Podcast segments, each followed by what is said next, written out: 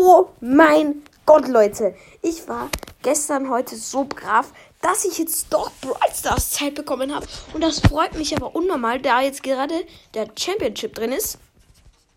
Und der ist so geil. Also, es ist wirklich heftig. Ich suche mir mal da so ein paar Teammates.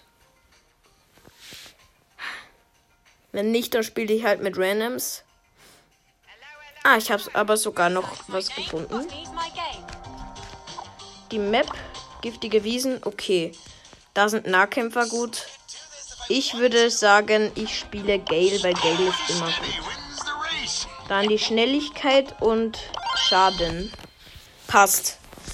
Das ist gute Gears in, auf der Map. Giftige Wiesen ist zwar eine Nahkampf-Map, aber ist auch gut für Gale, weil ja, er kann halt die Gegner wegschieben. Und das ist halt sehr praktisch. Weil dann, ja, die Gegner halt nicht ans Tor rankommen. Und das ist echt praktisch. Und wir haben schon das erste Tor. Perfekt. Easy, Digga. Diese Mates sind echt gut. Übrigens werde ich mir den Brawl Pass nur kaufen, wenn ich ihn komplett fertig bekomme. Oder nein, wahrscheinlich kaufe ich ihn mir sogar am Montag. Wenn ich ähm, darf. Ja, okay. Digga, I think I win. Ehrenmann, Ehrenmann. Let's go, direkt nächste Runde. Alter, die sind gut. Ja, und sogar ähm, ein Frank, ein Edgar und ein Nita-Gegner. Wir sind Rosa, Edgar und Gale halt. Digga, wie schlecht! Wie schlecht sind die Gegner jetzt gerade? Genau deshalb warte ich immer einen Tag ab bei den Championships. Also wenn ich den heute gewinne, ich wäre so glücklich. Weil ich habe so Championship habe ich noch nie gewonnen. Ja, Digga, JZM64 hat ein Tor geschossen. Ja. Brawlbox. Ist klar, dass ich in der Brawlbox nichts ziehe. Aber let's go einfach. Okay, jetzt wird's schwerer. Obwohl dann auch nicht wirklich schwer.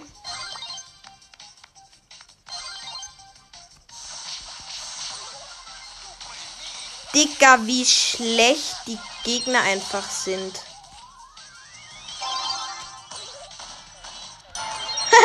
I think I win hat ein Tor geschossen. Digga, wie gut sind wir? Oder die Gegner einfach schlecht?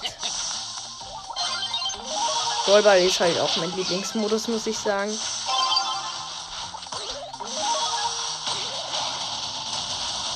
Voila, schon wieder gewonnen. Cefabo 10. Ich schicke dir gleich eine Friends-Anfrage.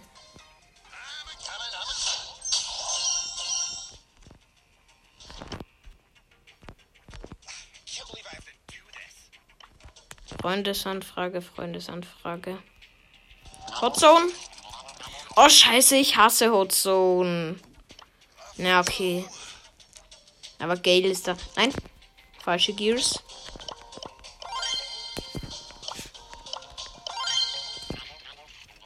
Okay, na gut. Na gut. Ich werde es probieren. Also ich hasse Hotzone wirklich über alles. Nach Belagerung ist das wirklich mein Hassmodus, würde ich sagen.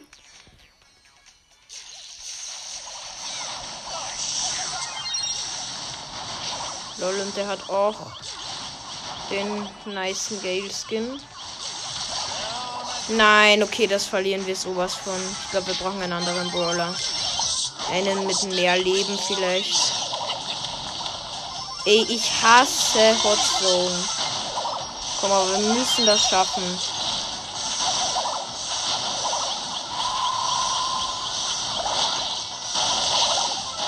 Das ist wirklich mein Ziel, dass ich einmal ein Championship schaffe.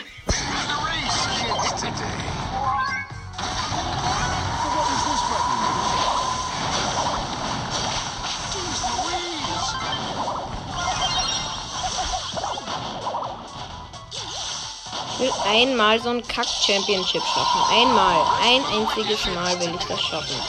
Und es ist aber so schwer, denn Hot Zone ist entweder als zweites, erstes oder letztes. Die Hotzone ist aber so ein Kackmodus. Ich glaube, Nita könnte auch ganz gut sein, aber ich glaube, ich spiele jetzt dann Jessie. Jessica ist gut.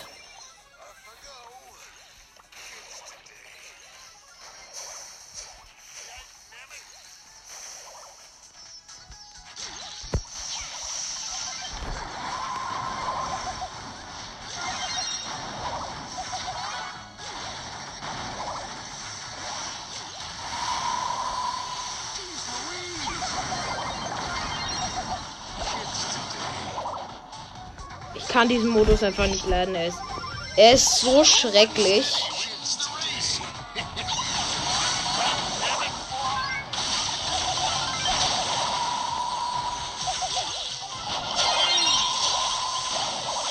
Er ist schrecklich und man verliert die immer. Okay, Leute, ich mache jetzt kurz mal mein Fenster zu. Oh Gott.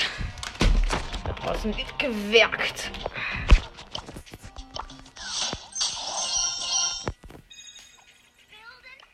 Okay, der nimmt jetzt. Dann würde ich nehmen, Leute. Wen nehme ich?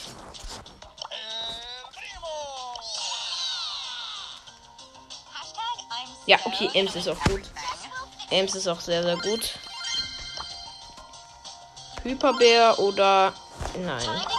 Hyperbär und Bärentatzen. ist der bessere. Okay, das gewinnen wir. Wir müssen das gewinnen. Wir müssen das gewinnen. Das, das ist mein Ziel, wirklich.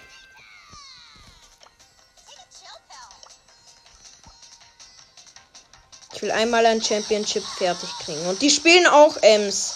Oh, die haben auch eine gute Gegner-Taktik. Nein, okay, das verlieren wir genauso. Ich bin so schlecht in Hauptzone. Ey, Hotzone, ich hasse es. Ich hasse es. Und wir brauchen gute Spieler. Gute Spieler brauche ich. Ich bin halt selbst nicht gut, deshalb. Kann jeder bezeugen, der schon mal mit mir gespielt hat. Auf Laser kriegt er immer, wenn ich ihn einlade. Dann lehnt ab. Ich bin so schlecht. Es tut mir leid, aber ich bin einfach schlecht in Brawl Stars.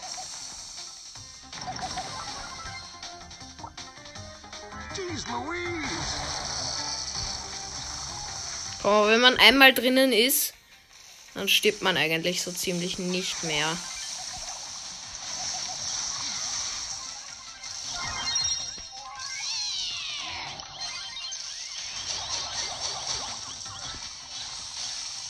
Weil dann sind die anderen und die verteidigen einen.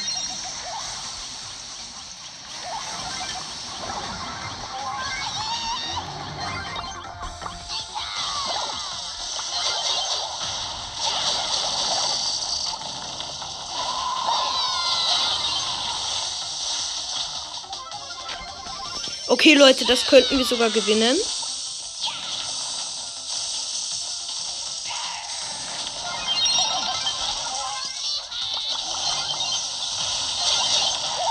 Ja, das gewinnen wir.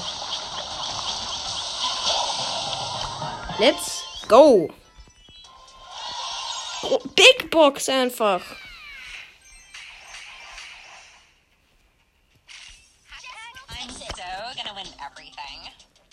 Auf natürlich Mortis. Ich spiele wieder Nita. Gegner Bogrom und Frank. Also Frank. I think I win.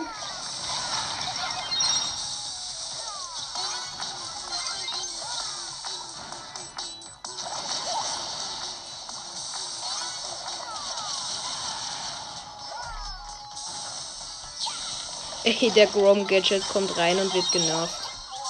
Das ist auch was.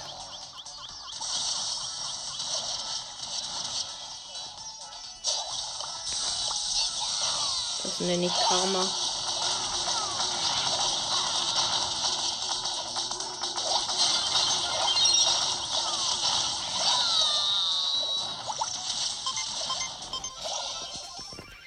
Safa Baba Babu Babu Keine Ahnung, ich kann nicht sprechen, Digga.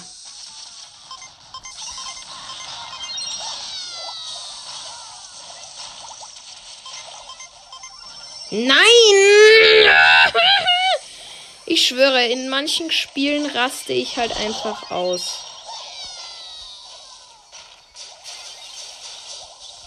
Ja, let's go. Jetzt sind wir in der Mitte.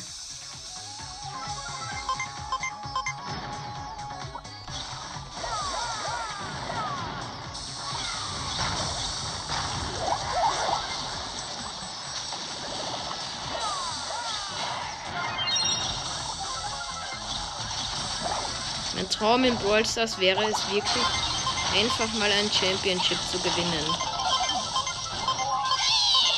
Das könnte jetzt wirklich sein.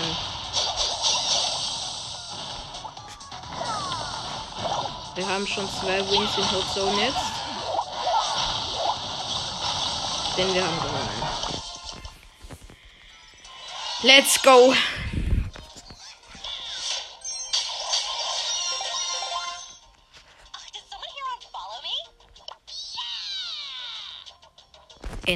Endlich.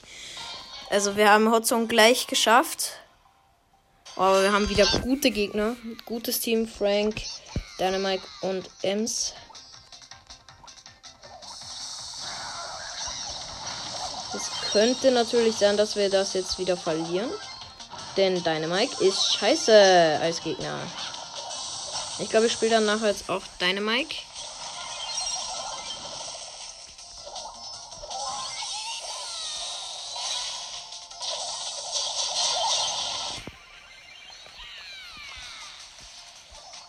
We must go in the middle.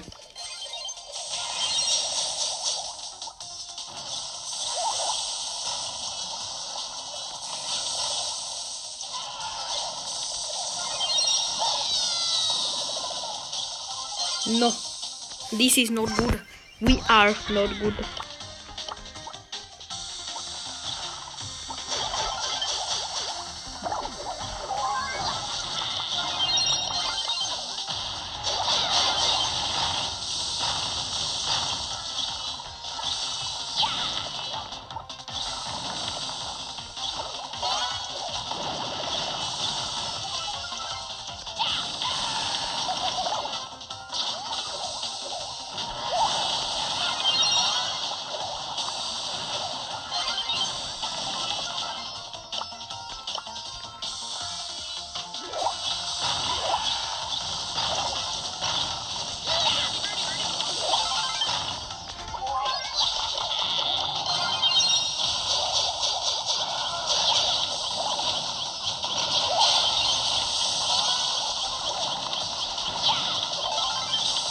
Dynamite kann man halt auch richtig, richtig geil ausweichen. Okay, und die Runde haben wir auch wieder gewonnen.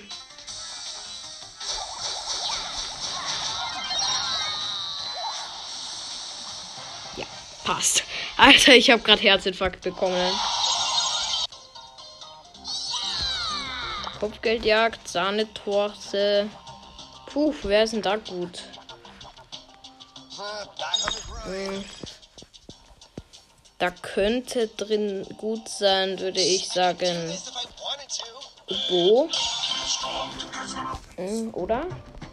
Mit welcher Star Power? Ich würde sagen die Sicht Star Power. Aber das andere Gadget, weil ähm, Ulti bekommt man eh sehr schnell. Was bekommt man eigentlich als letztes? 1500, okay. Passt. Bo ist, glaube ich, auch ganz gut in der Map.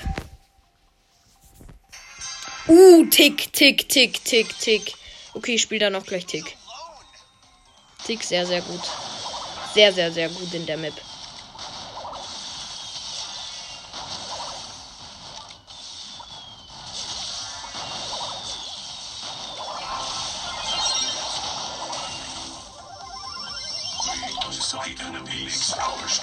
Nein.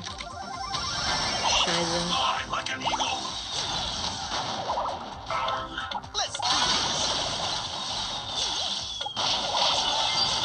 Ja, wir führen.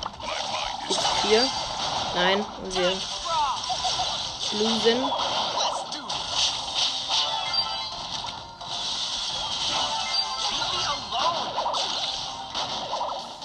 Zehn zu sechs für uns.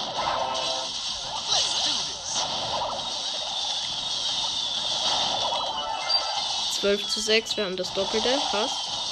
High Ground.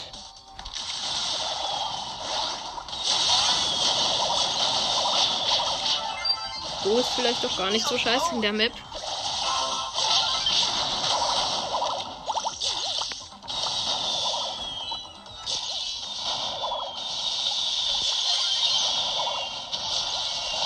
Oh mein Gott, Digga, was ein Gadget gerade.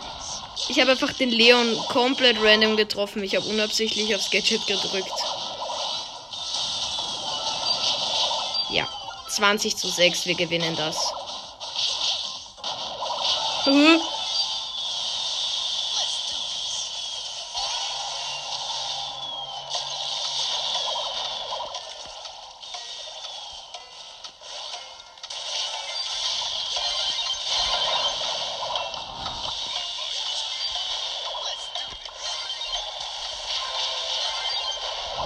29, 13.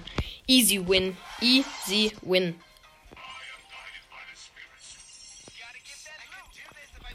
Legenden. Also diese Spieler sind Legenden in meinem Team.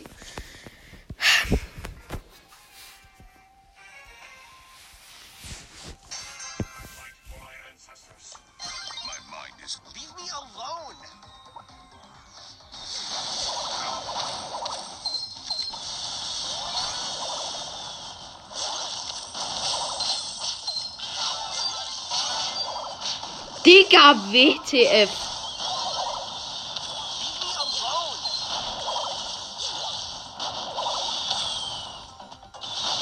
Wir haben gerade komplett, komplett, komplett gute Spieler.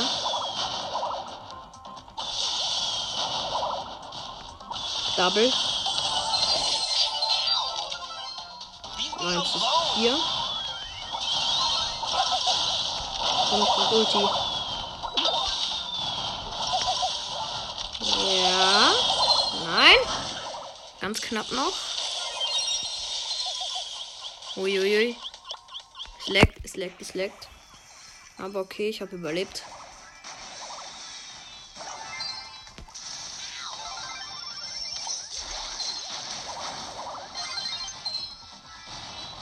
Okay, wir haben gerade einen kleinen Nachteil, würde ich sagen.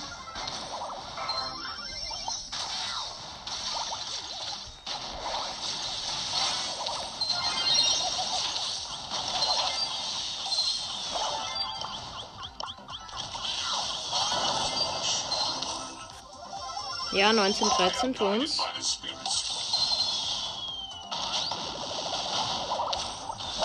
Nein, nein, nein, nein, nein, nein! Ein Kill! Ein Kill! Hilfe! Kommt der Kill! Kill! Kill! Ich brauche einen Kill! Ein Kill noch! Bitte, bitte, bitte! Bitte! Bitte! Bitte!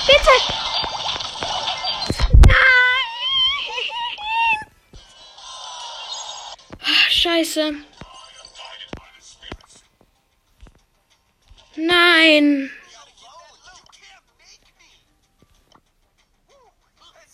Nein! Mann!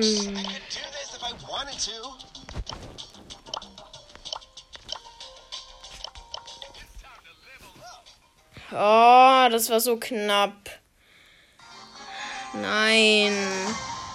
Uh, Search könnte auch sehr, sehr gut da drin sein in dem Modus. So awesome.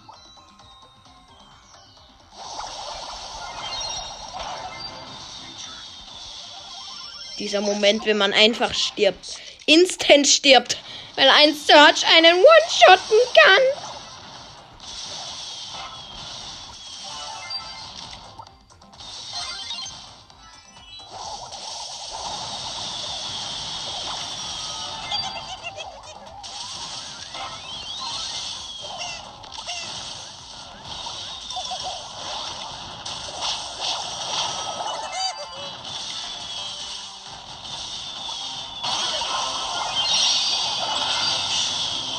einfach instant stirbt. Es tut so weh.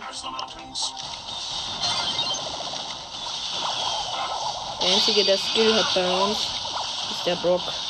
Und vielleicht ich ein bisschen. Der Edgar, ja, der ist halt die vorigen Runden, wo wir halt noch nicht so gute Gegner hatten, sehr, sehr, sehr gut gewesen.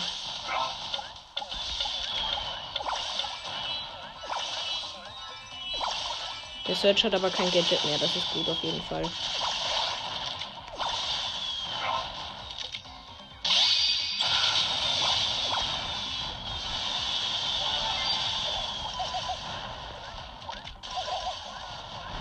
Es steht 11 zu 10. Für die Gegner leider.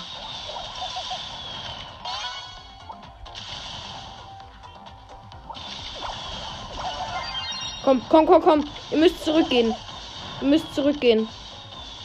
Geht zurück. Nein. Nein. Der Edgar. Wenn, wenn, wenn.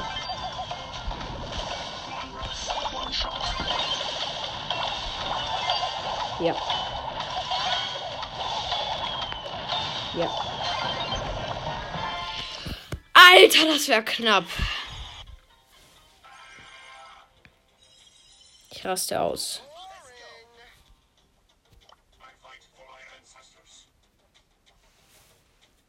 Wir brauchen, glaube ich, einen Werfer im Team. Ja, Leon. Leon ist zwar kein Werfer, aber sehr, sehr gut. Sehr, sehr gut. Das passt. Weil mit Leon kann er sich halt heranschleichen. Ja, und zwei, zwei sehr schlechte Spieler. Und zwar Tick. Also ich weiß nicht, ob die Spieler schlecht sind. Aber erstmal Tick und Squeak und die sind echt schlecht in dem Modus, würde ich sagen.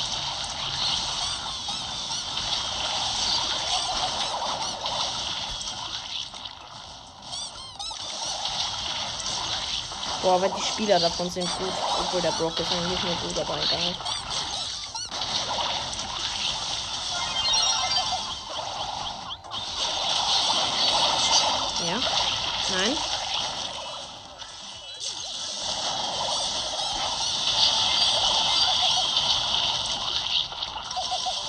Haben, ich habe halt eigentlich relativ guten Aim, würde ich sagen. Dodgen kann ich nur nicht so gut. Ich kann einfach nicht so gut dodgen. Ich weiß nicht warum. Das ist halt ein kleines Problem, würde ich sagen. Ja, sind so 12. 13 zu 12. 15 zu 12. Ja, du denkst, du gewinnst.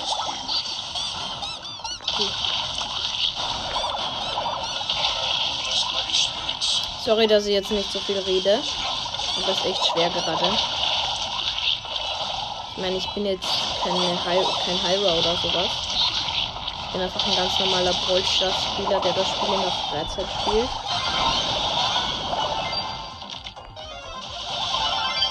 Ja, 2020. Komm, bleibt hinten. Bleibt hinten, ihr Deppen.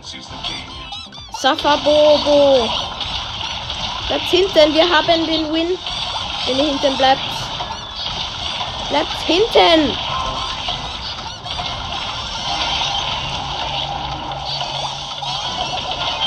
Ja, ja, ja. Ja. Let's go, wir haben gewonnen. Wir kriegen 750 Starpunkte.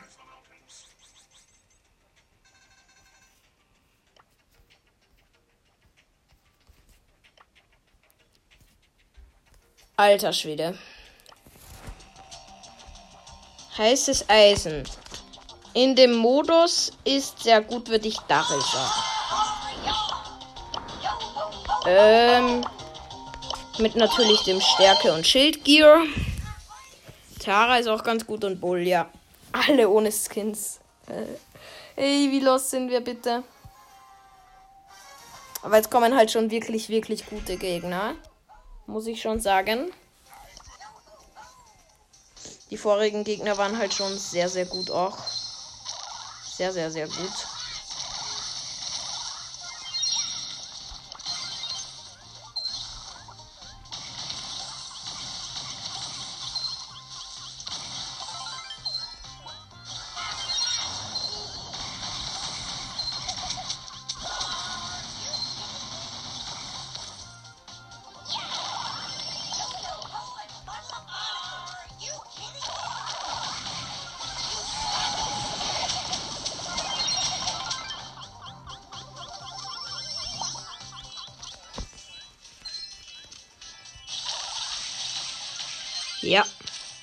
Du denkst, du gewinnst und das tust du auch. Mit mir als Mate.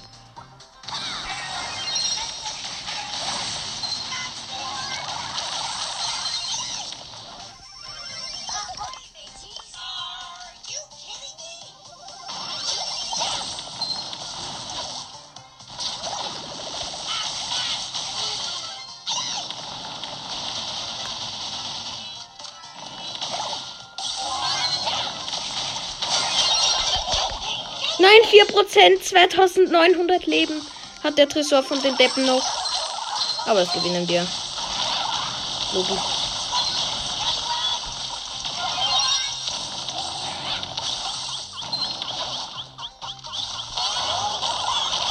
Ja, gewonnen. Let's go. Wie viele Wins habe ich schon? 1, 2, 3, 4, 5, 6, 7, 8, 9, 10. 10 Wins haben wir bis jetzt. Läuft gut eigentlich, würde ich sagen.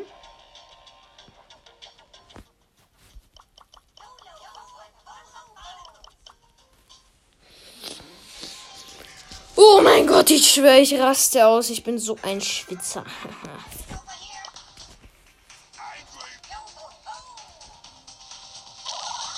Oh, Rico wäre auch gar nicht so scheiße, glaube ich.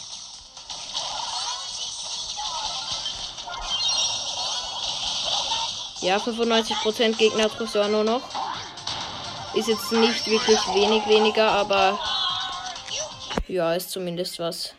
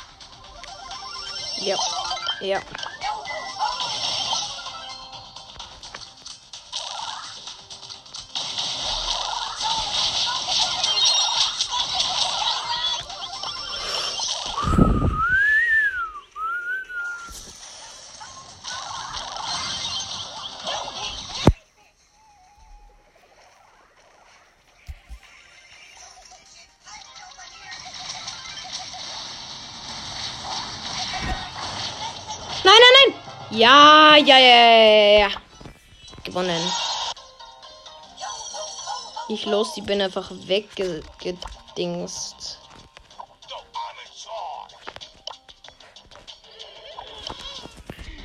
Jam Grab ist dann das letzte und in Jam Grab, wer ist da Jam Grab gut?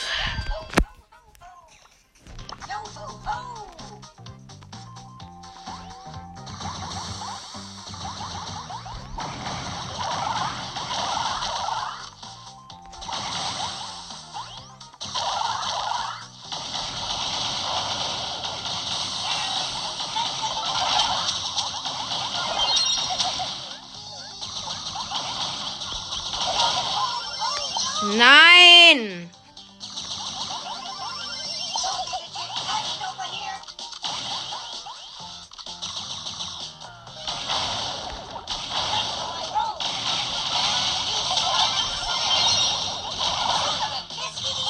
Nein, okay, das haben wir leider verloren. 22% haben wir nur noch.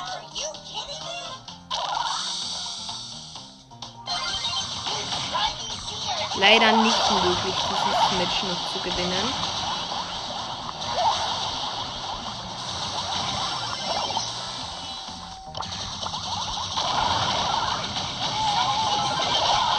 Nein. Mann.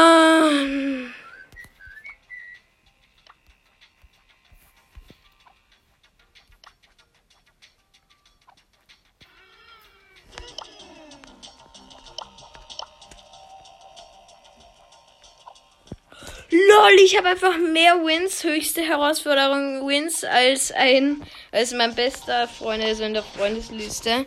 Der hat einfach 35k Trophäen. Einfach mehr Wins. Bin ich da von da von, von daher von dem her der Beste? Rico's Brawl Podcast hat 11, okay, genauso wie ich. 14! Ui. Okay. Laserkick. 6. 8. Ja, okay, also ich bin, glaube ich, einer der besten sogar. Würde ich sagen. Heftig. Ich würde sagen, ich erspiele mir jetzt noch eine Megabox und ciao.